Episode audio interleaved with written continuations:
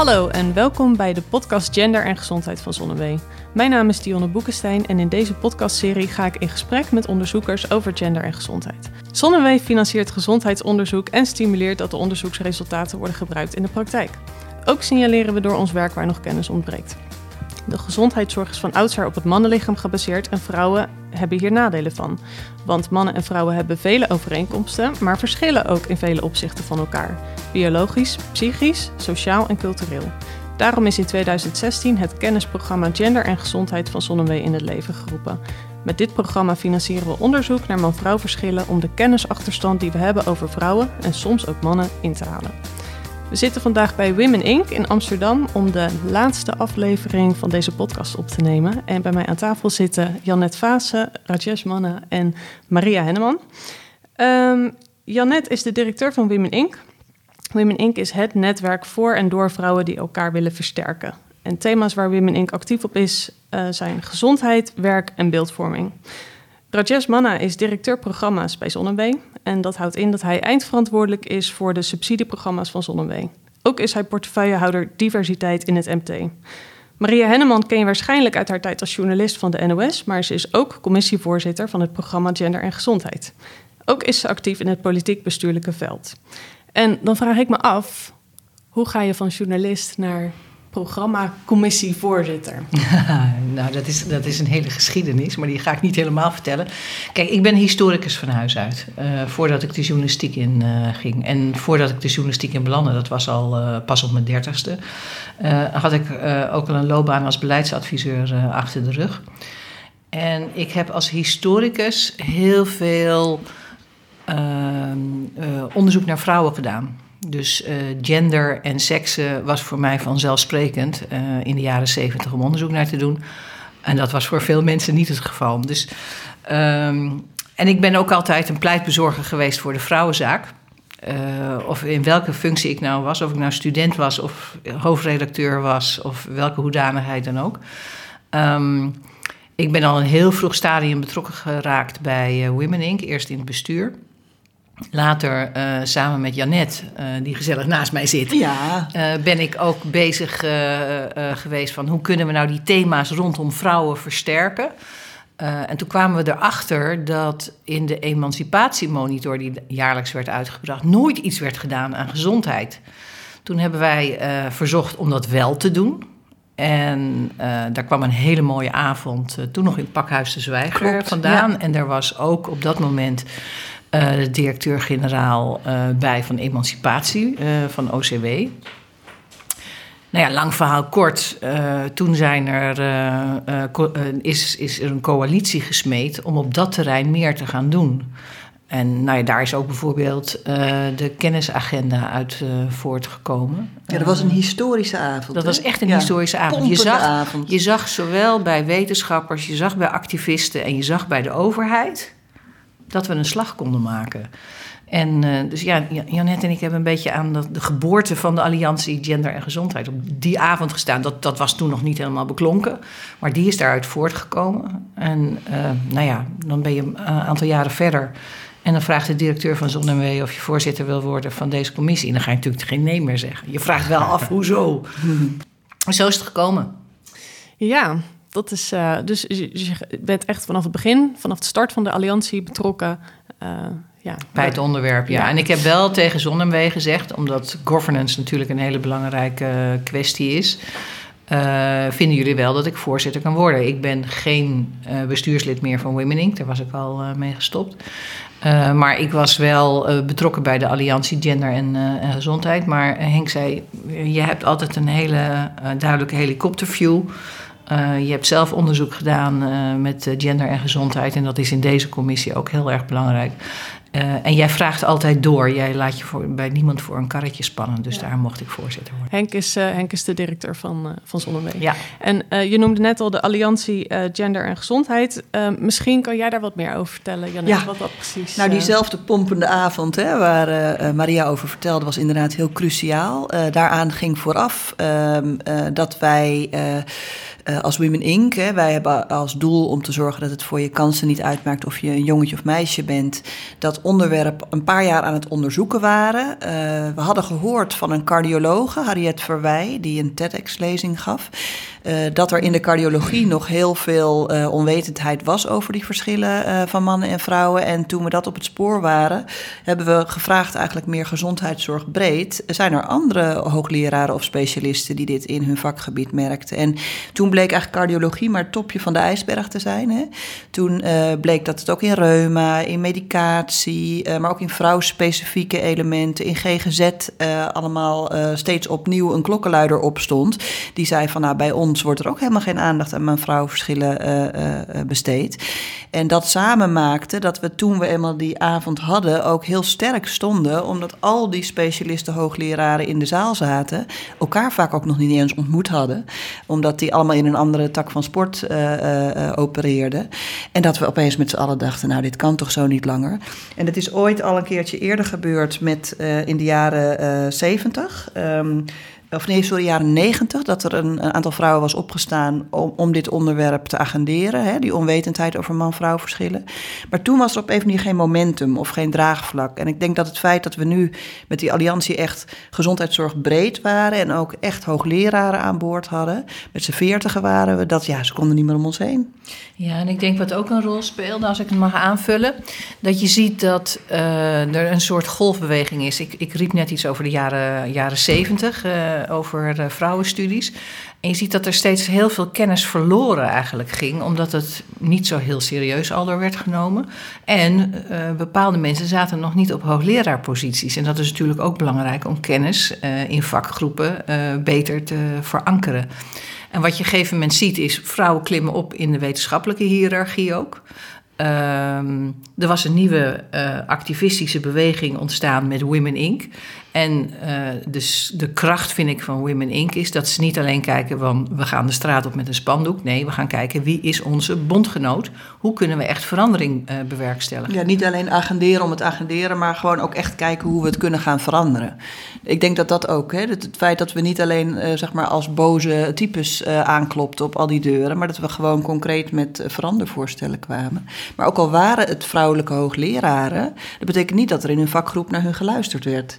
Dus die stonden heel vaak alleen in hun kwestie, bijvoorbeeld binnen cardiologie. Hè, Angela Maas, pittig type. Ja, Radboud uh, Universiteit. de Radboud Universiteit.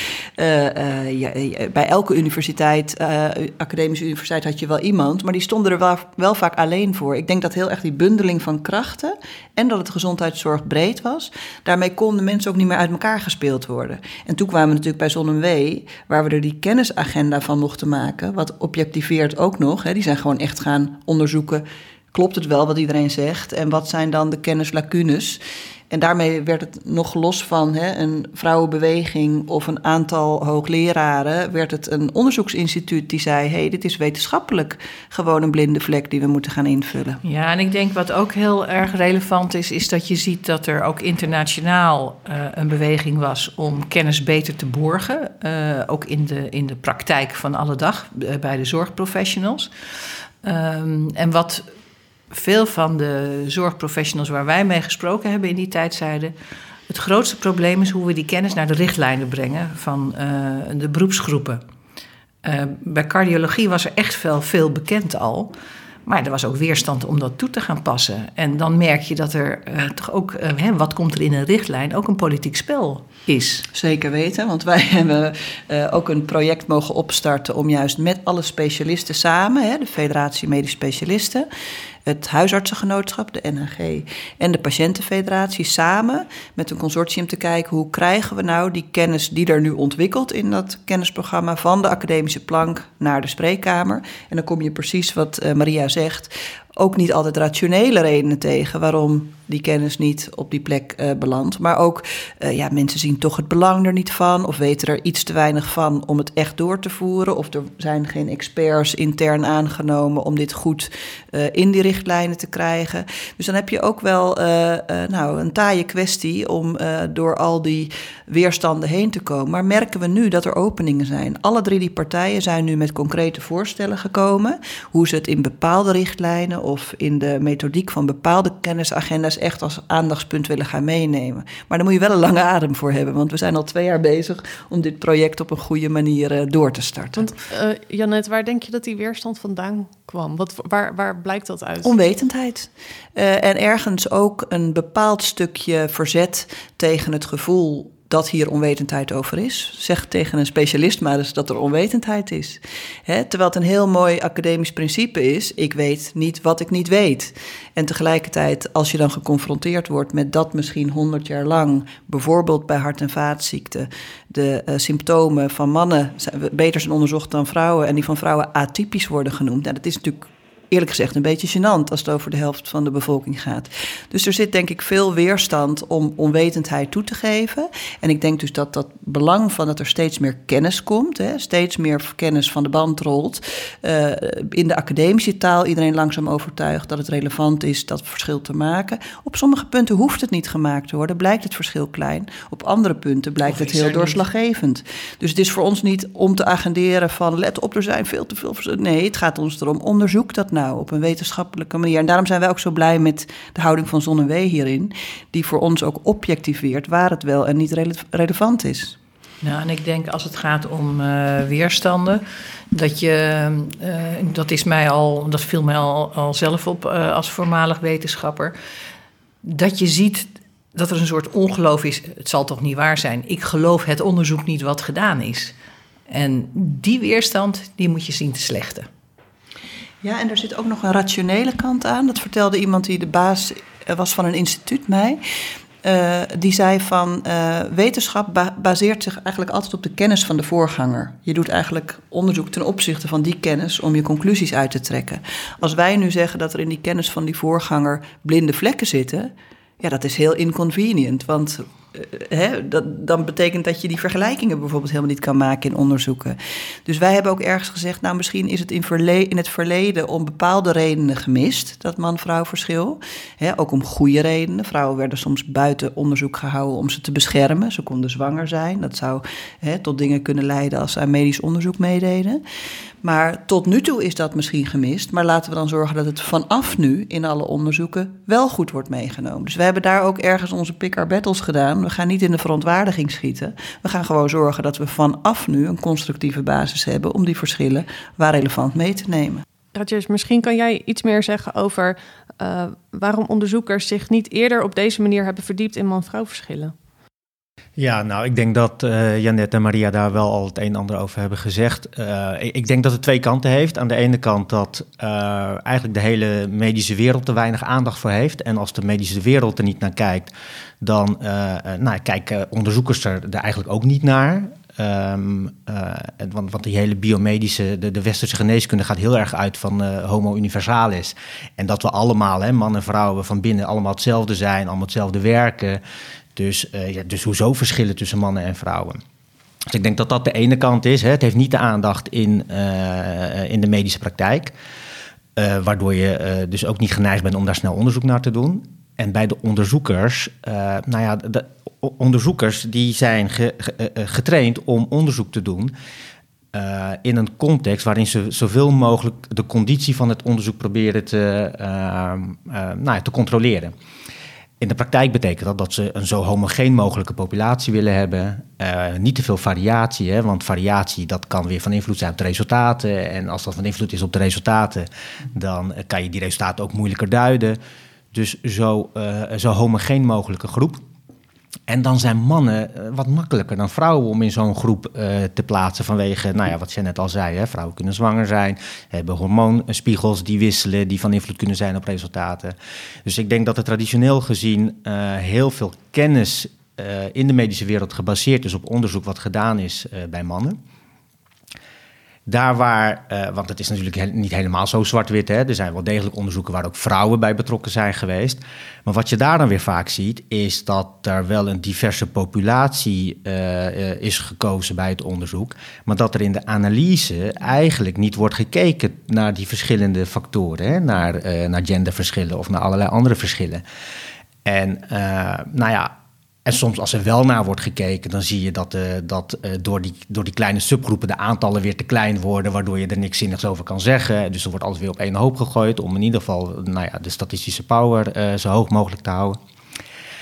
En nou ja, als je er niet naar kijkt, dan kan je er niks van vinden. Als je er wel naar kijkt uh, en je kan er niks van zeggen vanwege die statistiek, dan is dat ook al een probleem. En, uh, en stel je vindt wel wat, maar je rapporteert het al niet. Hè, want dat is ook wel een groot probleem. Dat er gewoon heel weinig wordt gerapporteerd wat er uit onderzoek komt. Hè. Er wordt altijd heel erg gekeken naar wat is het meest interessante om te noemen voor een journal om te plaatsen nou ja, dan, dan zijn dat allemaal krachten die inwerken op zo'n onderzoeker, waardoor er weinig aandacht is. Maar dat is dus eigenlijk, hè, als ik even mag, best heftig, toch? Als conclusie. Het is gewoon onderzoeksgemak geweest. En wat ik vroeger dan wel snap, een bescherming van vrouwen.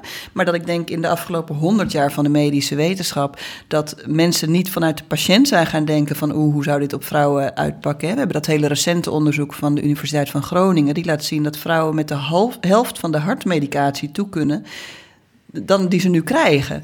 Moet je nagaan. Hè? Het is ook niet voor niks dat vrouwen veel meer bijwerkingen hebben van medicijnen, omdat die onderzoeken dus minder goed op hen zijn gedaan. Dus ik vind ergens uh, dat onderzoeksgemak, zeker voor onderzoekers, die zich altijd zo bewust moeten zijn van wat neem ik wel of niet in mijn onderzoek mee? Vind ik best verwijtbaar. En in ieder geval niet meer van deze tijd. Dus ik snap wel hoe het ontstaan is. Maar ik ben wel erg blij dat het nu op de agenda staat. Ja. wat ik me nog afvroeg. Jullie, uh, jullie hadden het net eventjes over dat uh, er eerder aandacht is geweest voor dit probleem. Ergens in de jaren negentig. Maar dat toen het moment er niet naar was. Wat is er veranderd? Dat het nu wel wordt opgepakt, Janet? Um, ik heb daar een heel mooi gesprek over gehad met Jet Bussemaker, die op dat moment staatssecretaris van Volksgezondheid was. Die had dit uh, onderwerp ook heel hoog op de agenda en probeerde toen vanuit haar staatssecretariaat ook in die tijd uh, te agenderen.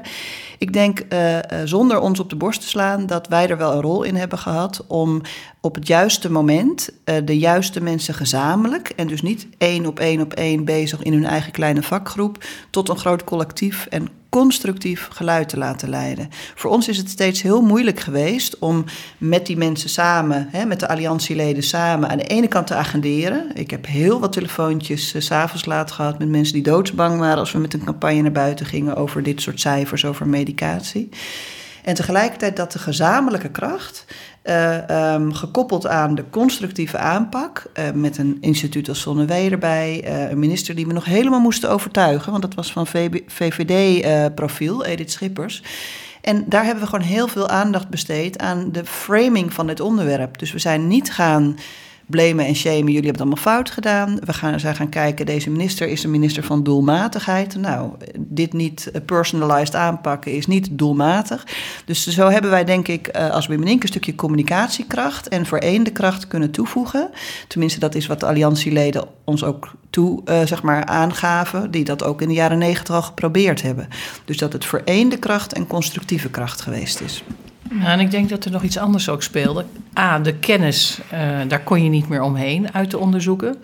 Uh, een goed voorbeeld is dat ook uh, organisaties waar patiënten bij betrokken zijn, zoals hart- en vaatziekten, op een gegeven moment ook zeiden van ja, dit is zo van belang, dat moeten we ook doen. Hè. Het is ook niet voor niets dat hart- en vaatziekten de organisatie daaromheen uh, speciaal tegenwoordig ook campagnes uh, hebben rondom vrouwen en hart- en vaatziekten. Ik denk dat dat dus de rol van de patiënten en de bestaande kennis, daar kon je niet meer omheen. dat dat een hele belangrijke rol heeft gespeeld in het momentum om nu dit door te zetten.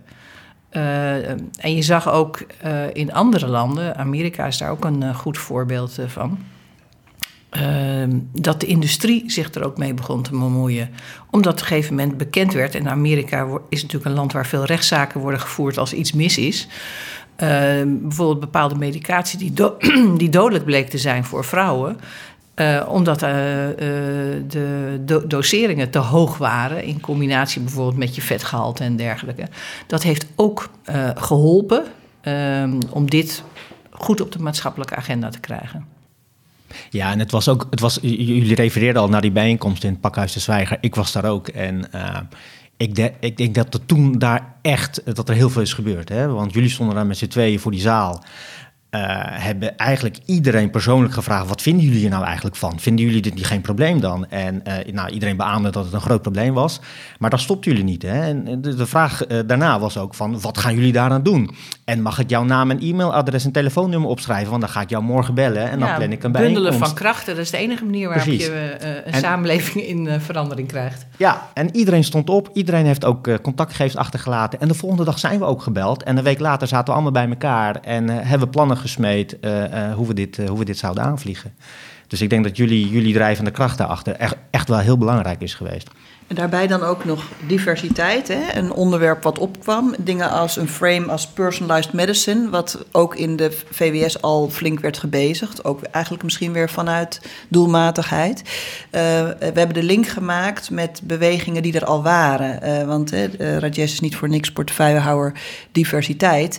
Um, uh, een onderwerp als dit uh, moest vertaald worden naar hoe er al gedacht werd in de gezondheidszorg. En hebben we dus ook veel gesprekken met jullie over gehad van waar, wanneer is dit relevant ook voor VWS, als je vanuit welke argumenten dit onderwerp pakt.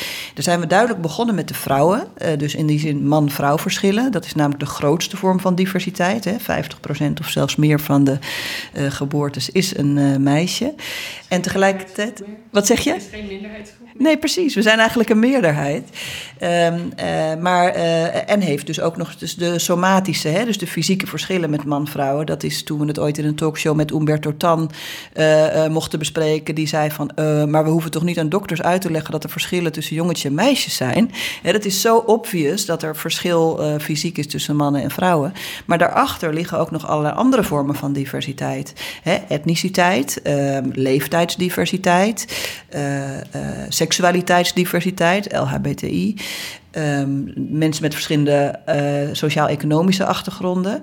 Ik denk dat er ook langzaam uh, binnen VWS of het gezondheidszorg veel meer aandacht is voor elke patiënt is anders. Hè? De patiënt centraal en elke patiënt is anders. Dus eigenlijk steeds meer draagvlak komt voor diversiteit. En dan is het wel het meest logisch om met de meest in het oog springende diversiteit te beginnen, die tussen man en vrouw. Dus ik denk dat dat momentum ook heeft meegespeeld. Nou, en ik denk wat, uh, wat ja, Janet ook zegt over personalized medicine.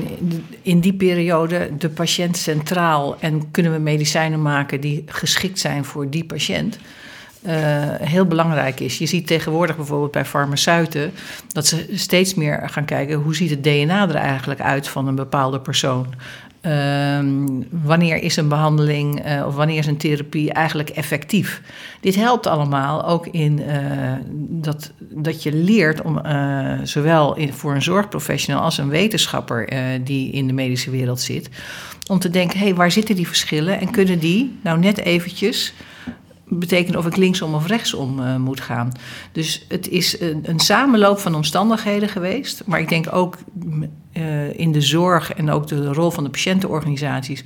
om vanuit die patiënt te gaan denken ook ons heel erg geholpen heeft om dit goed op de agenda te krijgen. Ja, en ik vind een heel mooi voorbeeld daarvan ook. Uh, bijvoorbeeld bij Reuma uh, uh, hebben we um, veel diepe gesprekken met de patiëntenvereniging gevoerd. die bleken al tijdenlang op hun vizier te hebben dat vrouwen in zwangerschap minder last hebben van reuma. Kortom, daar is kennelijk een hormonaal verband. En dat proberen ze altijd op de kennisagenda van de wetenschappelijke vereniging te krijgen. Maar dat lukte maar steeds niet. En ergens is er ook vanuit onze alliantie zeer betrokken Irene uh, van der Horst Bruinsma uh, hoogleraar geworden in de verhouding tussen gender en reuma. En heeft zij het uiteindelijk op die kennisagenda gekregen. Dus ergens hebben die patiëntenverenigingen denk ik wel heel veel kracht tot nu toe al gehad, maar zijn ze ook heel vaak minder serieus genomen. En ik denk dat dat nu ook de tijd is, toch Maria? Want jij doet veel met patiëntenverenigingen.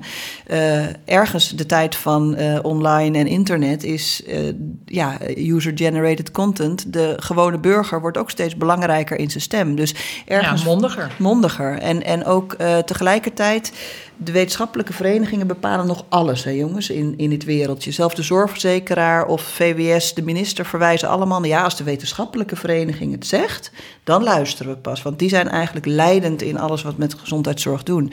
Best heftig om te merken dat daar dus ook nog flinke dichte deuren of blinde vlekken zijn geweest. Dus we zijn er nog niet, maar ik denk wel dat al die, hè, de mondiger patiënt, uh, een, een meekijkend activistisch platform, een objectiverend instituut, dat eigenlijk langs langzaam alle spelers klaar zijn om dit omslagpunt ook echt met z'n allen te gaan maken. En um, Rajesh, wat kunnen onderzoekers nou uh, doen? Welke middelen hebben ze om echt aan de slag te gaan met uh, ja, die man-vrouw verschillen? Nou, uh, in ieder geval gelijk rekening houden met die verschillen in, in het nadenken over hypotheses. Hè. Als je, als je uh, therapie op effectiviteit gaat, uh, gaat onderzoeken. Of als je uh, de etiologie achter bepaalde aandoeningen gaat onderzoeken. Hou er altijd rekening mee dat er verschillen zijn tussen mensen. Dus neem dat in hypothese mee en neem dat daarna ook gewoon mee in je onderzoekopzet.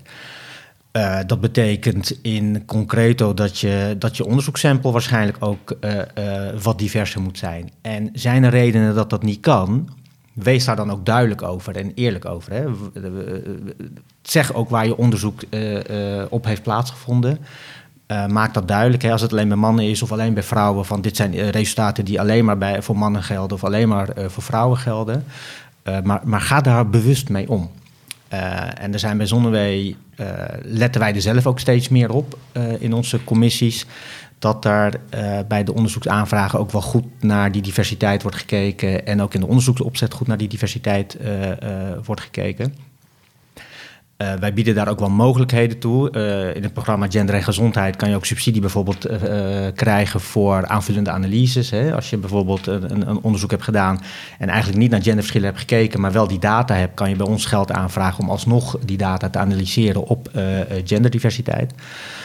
Um, nou, en verder hebben we eigenlijk in al onze programmering proberen we diversiteit wel een belangrijk, een belangrijk onderwerp ja, en ik zou ook nog willen toevoegen, ga niet politiek correct doen. Want ik, ik sprak op een borrel, sprak ik iemand die uh, bij een universitair ziekenhuis uh, hoog in de boom onderzoeker is. En die wist van het onderwerp en uh, mijn betrokkenheid erbij. En die zei, jij gaat blij met mij zijn. Ik gebruik bij mijn onderzoek alleen maar vrouwelijke muizen. Want ik vind die man, mannelijke muizen zo agressief. Dat is niet goed bij mijn onderzoek. Dus daar was hij heel tevreden over. Toen zei ik, en trek je er interessante conclusies uit? Het feit dat jij dus vrouwelijke muizenpopulatie hebt, levert dat interessante resultaten op? Zei ja, daar ben ik niet mee bezig.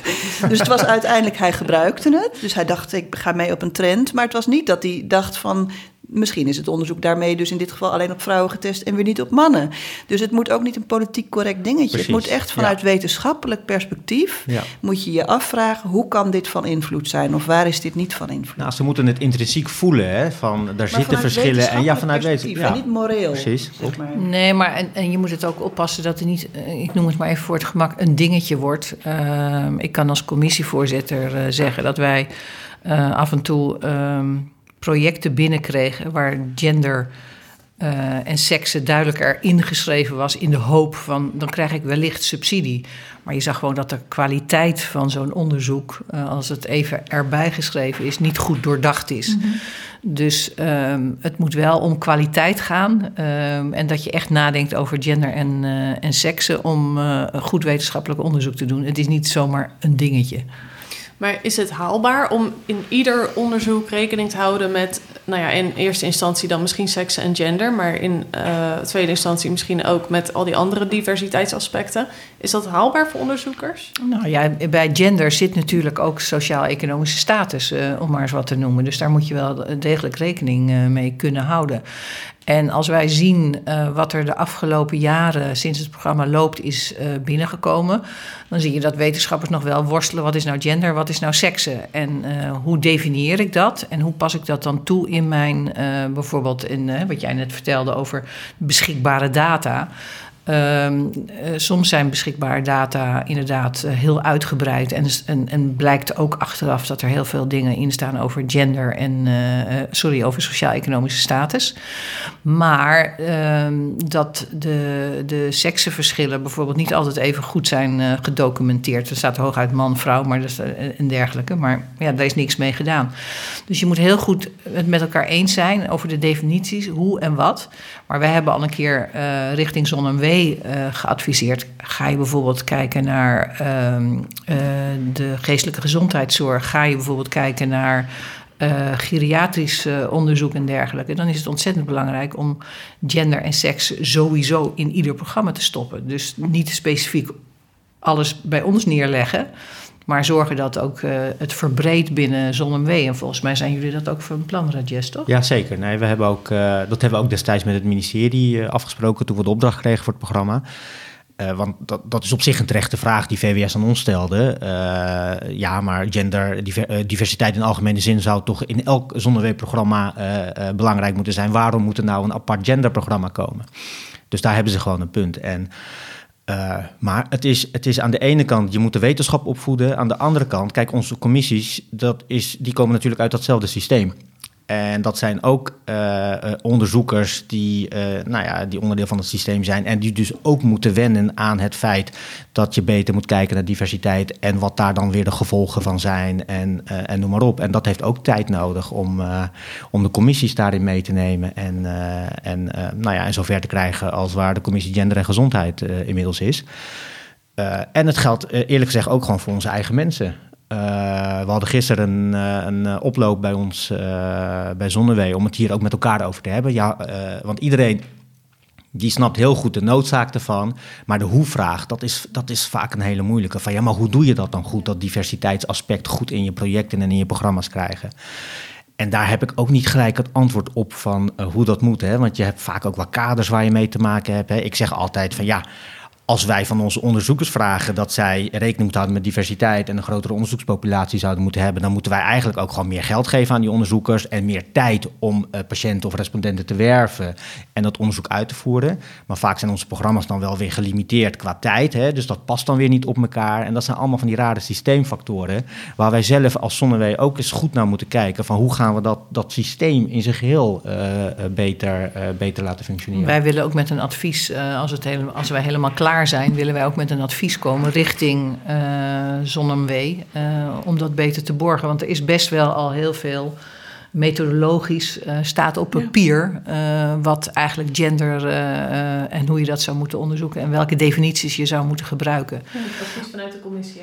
Ja, ja, en, en uh, er, er, is al veel bekend. Jullie hebben zelf ook bij Zonnewee een hele mooie uh, congres. Hè, van hoe, hoe neem je dit nou mee in onderzoek? Er is veel internationale inspiratie. Bijvoorbeeld vanuit Canada hè, met uh, Cara Tannenbaum. Ja, die hebben een heel ja. instituut ook.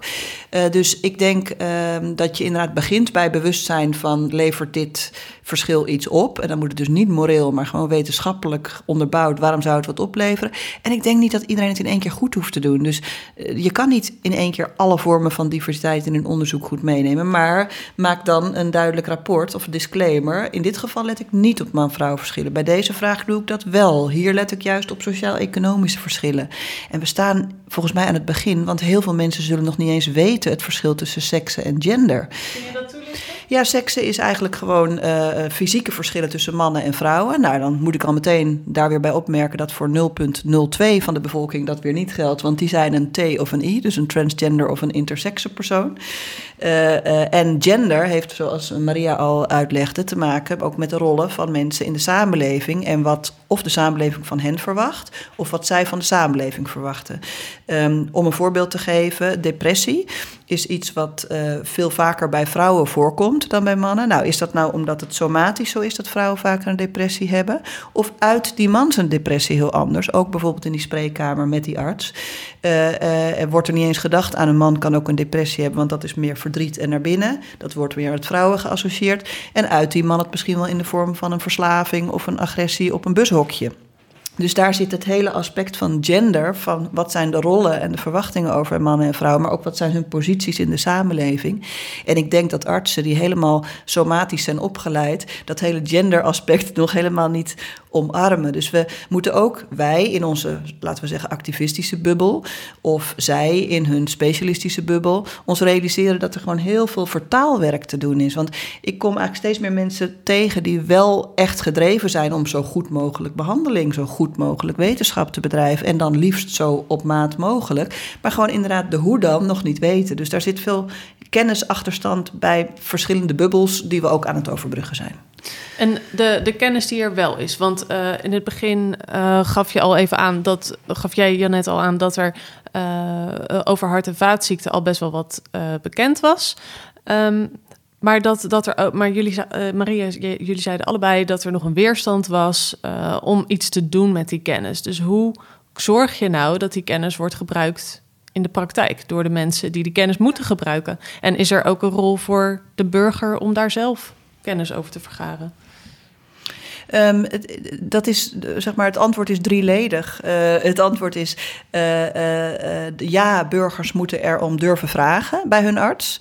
van, goh, ik ben een vrouw, maakt dat nog uit in het geval van dit specifieke ziektebeeld. Tegelijkertijd moeten ze dan ook accepteren dat die arts misschien zegt, dat weten we nog niet. Hè? Want nu is er een kennisprogramma van Zonnewee, dat is er sinds 2016. We hopen van harte dat het doorstart, maar er is nog maar een puntje van de ijsberg over die kennis binnen, laat staan ontsloten naar die spreekkamer. Dus uh, patiënten, cliënten roepen wij op een constructieve manier op vragen gewoon om. Of bij dosering van medicijnen vragen erom. Maar dan is heel vaak de informatie er nog niet.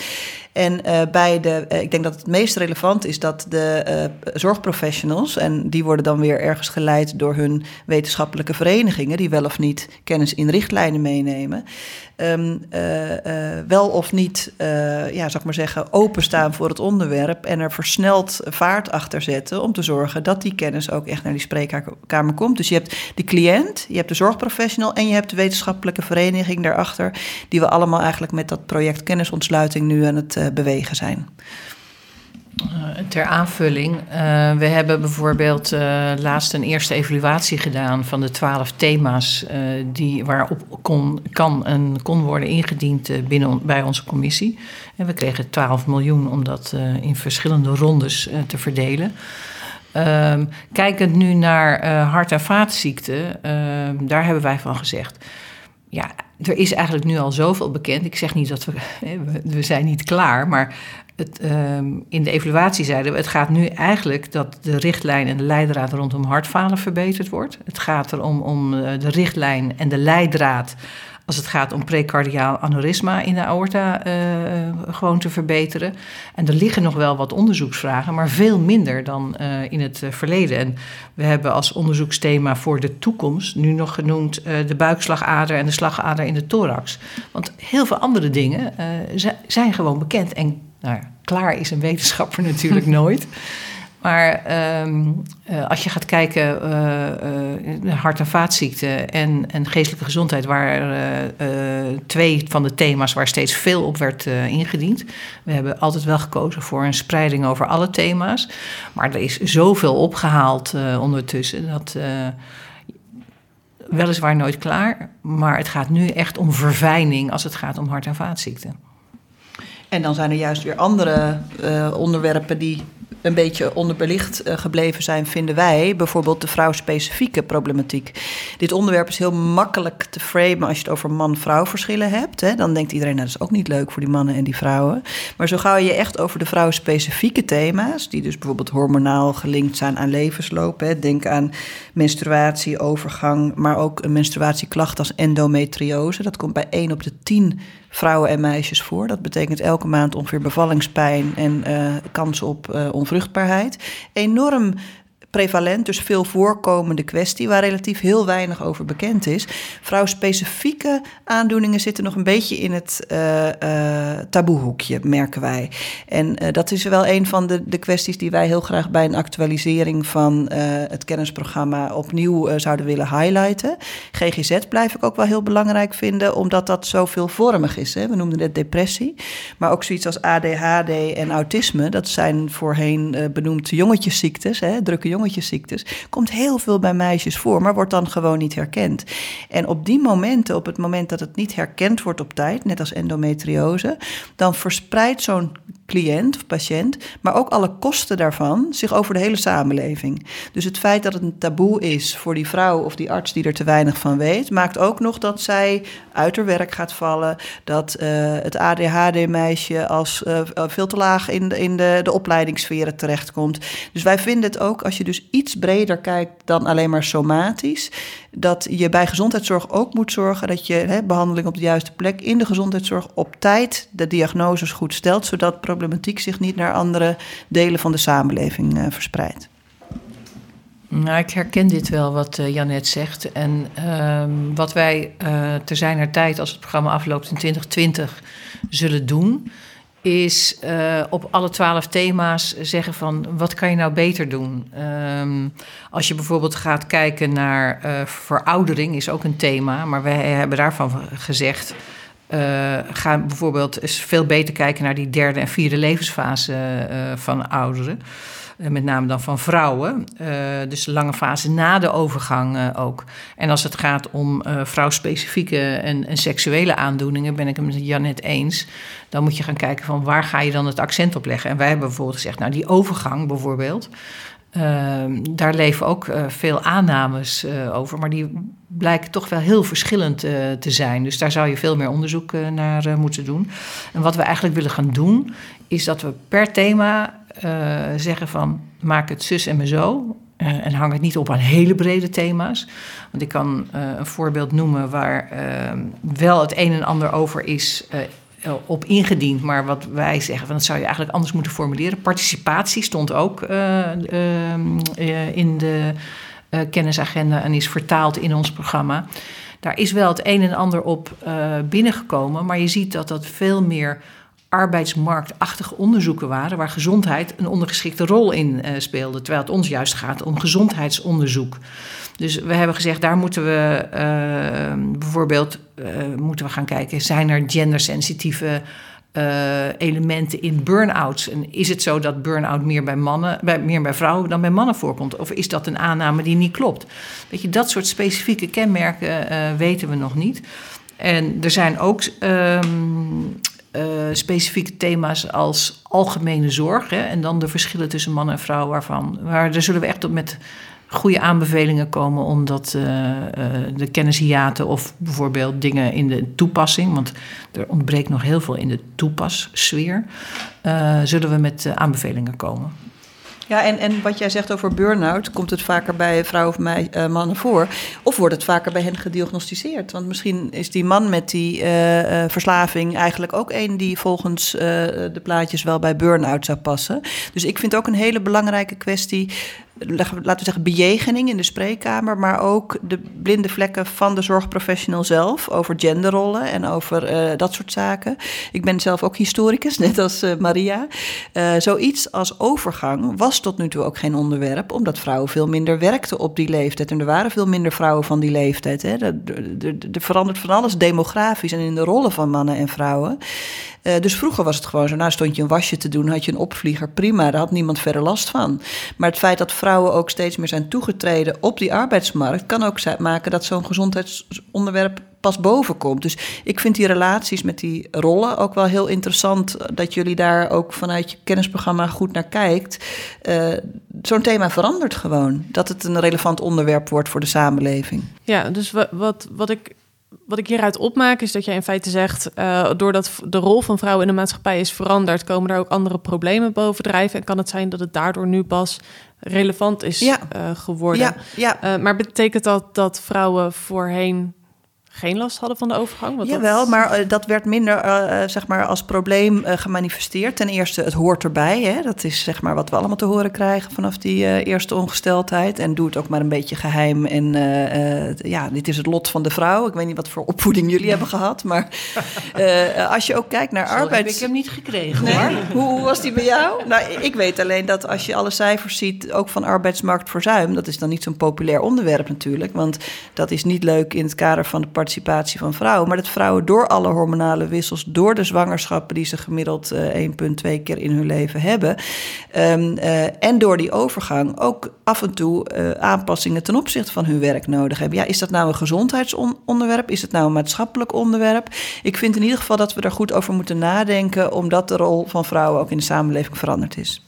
Ja, maar daar zou dus veel meer onderzoek naar moeten komen. Uh, of dat ja. allemaal wel of niet waar is ook. Dus er wordt soms iets gesuggereerd wat niet wetenschappelijk onderbouwd is. En daar zitten nog aardig wat kennishiaten. Nou ja, of eh, de overgang eh, vrouwen van hun werk houdt. Er is toch wel recent onderzoek naar? Daar, ja, wel wat, maar niet voldoende om daar algemene conclusies Voel aan... bij jou ook een eh, beetje weerstand tegen dit onderwerp? Nee, helemaal niet. Integendeel. Uh, ik wil dat het juist feitelijk beter onderbouwd Precies, wordt. dat vind ik ook. Dat vind ik ook. Want we hebben daar ook een onderzoek over met VUMC. Um, uh, hoe uh, bijvoorbeeld zwangerschap en bijvoorbeeld overgang op de werkvloer... dan hebben zij zichzelf als voorbeeld genomen. Hè? Ook bij hun op de VU, bij de verschillende beroepsgroepen... dus van de verplegers tot de artsen. En inderdaad, dat was een van de eerste concrete concrete onderzoeken om cijfers uit te halen. Dus um, ik vind ook niet per se dat we daarmee de vrouw moeten taggen als een soort van hormonaal lopend uh, ingewikkeld uh, verhaal. Maar ik vind wel dat, kijk, vrouwen zorgen ook voor ons nageslacht. Hè? Dus die gaan er die zes weken uit om te zorgen dat er nieuwe kinderen komen. En ik vind dat nu vaak te veel naar de privésfeer, dat je dat allemaal zelf als vrouw op moet lossen. Terwijl ik denk het is een maatschappelijke kwestie dat je hebt mannen en vrouwen en die hebben andere fysiek om uh, aan de samenleving bij te dragen. Dat als we willen dat ze participeren op de arbeidsmarkt, dat er ook duidelijk is wat ze daarbij nodig hebben. En soms is het heel makkelijk, hè? Want soms is het ook een juf die op school zegt: joh, ik heb opvliegers, mag het raam open? Nee, hier kan het raam niet open, zegt de baas van de school. Nou, dat betekent misschien dat ze er drie weken later even uit ligt, omdat ze het niet volhoudt. Nou, maak het raampje en het is een heel makkelijke oplossing. Ja, en, uh, overgang is een punt, maar het wordt vaak te uh, veralgemeniseerd. Dat opeens, en, en daar moeten we inderdaad ook voor oppassen. Dus dat alle vrouwen uh, een tikkende tijdbom zijn als ze boven een bepaalde leeftijd uh, zijn als, als werk, werknemer. Ja, maar het wordt veralgemeniseerd, maar ook getaboeiseerd. Dus het feit dat Linda de Mol niet over alle onderwerpen wilde ze in de Linda praten, maar niet over de overgang. Dus de, de extra voorzichtigheid van mensen om het een onderwerp maatschappelijk te maken, vind ik een andere kant van het verhaal. Ja, maar ik denk dat je daardoor, uh, ik vind het een hele interessante vraag, waardoor de een uh, heel makkelijk door die overgang heen gaat. Uh, wat is daar de oorzaak van? Wat is daar de reden van? Zijn daar lichamelijke aspecten spelen daar die een rol? zijn het geestelijke aspecten? Nou ja, je kan heel veel. Daar moet veel meer onderzoek naar gedaan en niet worden. worden. Ben ik helemaal nee. met je eens. Want iedere vrouw is ook weer anders. Iedere patiënt is anders, maar iedere vrouw is ook weer anders. Ja maakt het lekker complex.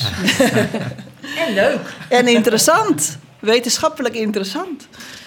Um, ja, ik heb, nog, ik heb nog één afsluitende vraag voor jullie allemaal. En dan wil ik graag beginnen bij uh, Rajesh.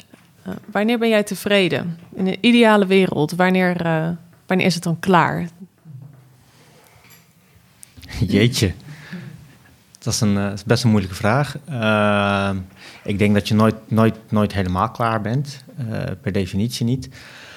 Um, kijk, wij hebben een traject ingezet met, met dit programma, wat, wat, wat, wat mij betreft vooral ook echt ging over bewustwording. Dat je niet continu die discussie hoeft te voeren van waarom mannen nou verschillen van vrouwen en andersom.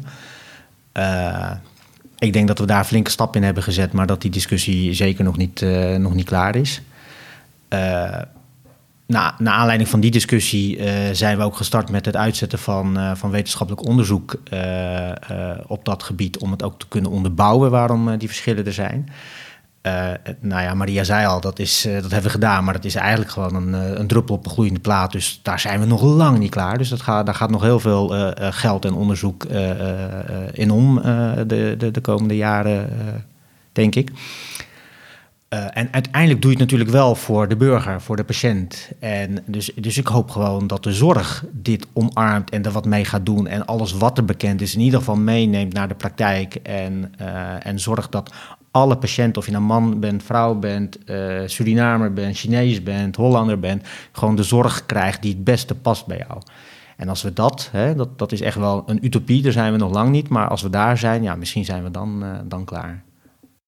Maria, wat, uh, wat is jouw utopie? nou, Wim en Ink heeft een aantal jaren geleden, uh, en ik moest er net aan denken toen ik binnenkwam in deze kamer. Er staan hier een aantal posters rechts naast mij. Behandel me als een dame. En ik denk uh, dat ik pas heel gelukkig zou zijn als ik bij een zorgprofessional uh, kom en die zegt van goh, ik weet op basis van wetenschappelijk onderzoek dat er verschil is tussen mannen en vrouwen. Dat zit dan in zijn of haar achterhoofd. En dat hij dan denkt, oh ja, ik, moet, ik zit nu een vrouw tegen me ik moet bij dit ziektebeeld toch wel even hier en hier aan denken. Kortom, ik ben pas tevreden uh, als we. Kijk, kennishiaten houden we altijd. Uh, dat is alleen maar interessant. Uh, hè, wetenschap moet iedere keer weer nieuwe dingen gaan onderzoeken. Maar ik ben pas tevreden als datgene wat we weten. Hè, zowel Jan net als ik gaven voorbeelden uit het verleden die op de plank bleven liggen. Als die wetenschappelijke kennis toegepast wordt. En ook de spreekkamer bereikt en daadwerkelijk effectief is, dan ben ik pas een gelukkig mens. Janet. Mijn geluk is ongeveer dat van jullie allebei samen. en uh, ik zou nog willen toevoegen, als um, de um, de, de, kennis bereikt de spreekkamer. Je merkt dat iemand de kennis die er is ook echt gebruikt om jou goed te behandelen. Wat mij betreft niet eens alleen over man-vrouw verschillen, maar ook leeftijd, ook seksualiteit, ook inderdaad kleur. Ehm, als ik ergens als Women Inc. die agenderende rol kan overdragen naar de plek waar die hoort. Namelijk bij het ministerie van VWS, die er net als ik zo in gelooft dat dit in alle onderzoeksprogramma's alle uh, subsidies die worden verleend, uh, alle beleid wat wordt gemaakt, wordt meegenomen. En dan dus niet dwangmatig altijd maar mannetje-vrouwtje uh, moet erin staan, maar een oog voor diversiteit. En wat dat de samenleving en vooral ook de bewoners van die samenleving oplevert. Dus ik zou die agenderende rol die wij nu met graagte hebben genomen, en ik vind het alleen maar heel mooi, wel graag willen overdragen naar de plek waar die hoort. Op het moment dat wij, behalve het kennisprogramma wat er is, doorstarten Volgend jaar loopt het af. Het lijkt me dat het nog niet af is. Zeker op het gebied van hart en vaat, uh, waar het over leven en dood gaat, is er denk ik nog heel veel te onderzoeken. Dat de kennis ontsloten wordt, maar ook dat VWS duurzaam omarmt. Dat het nou of in de vorm van een afdeling of een taskforce is, dat ook de ambtenaren daar snappen dat ze deze diversiteitsnorm eigenlijk in alle opzichten moeten gaan meenemen. Ik wil jullie heel hartelijk danken voor je tijd en uh, voor jullie energie en aandacht en uh, enthousiasme. En uh, nou, wie weet tot een vervolgprogramma. Dankjewel, graag gedaan. Dankjewel. Zeker. Je luisterde vandaag naar een podcast van Zonneweg, gepresenteerd door mij, Dionne Boekenstein, en geproduceerd door Jonne Seriese. Wil je op de hoogte blijven? Abonneer je dan op deze podcast, volg ons op social media en abonneer je op ons digitale magazine Mediator of een van onze nieuwsbrieven. Heb je een vraag over deze podcast? Stuur dan een tweet naar @zonneweg of mail ons op gender@zonneweg.nl.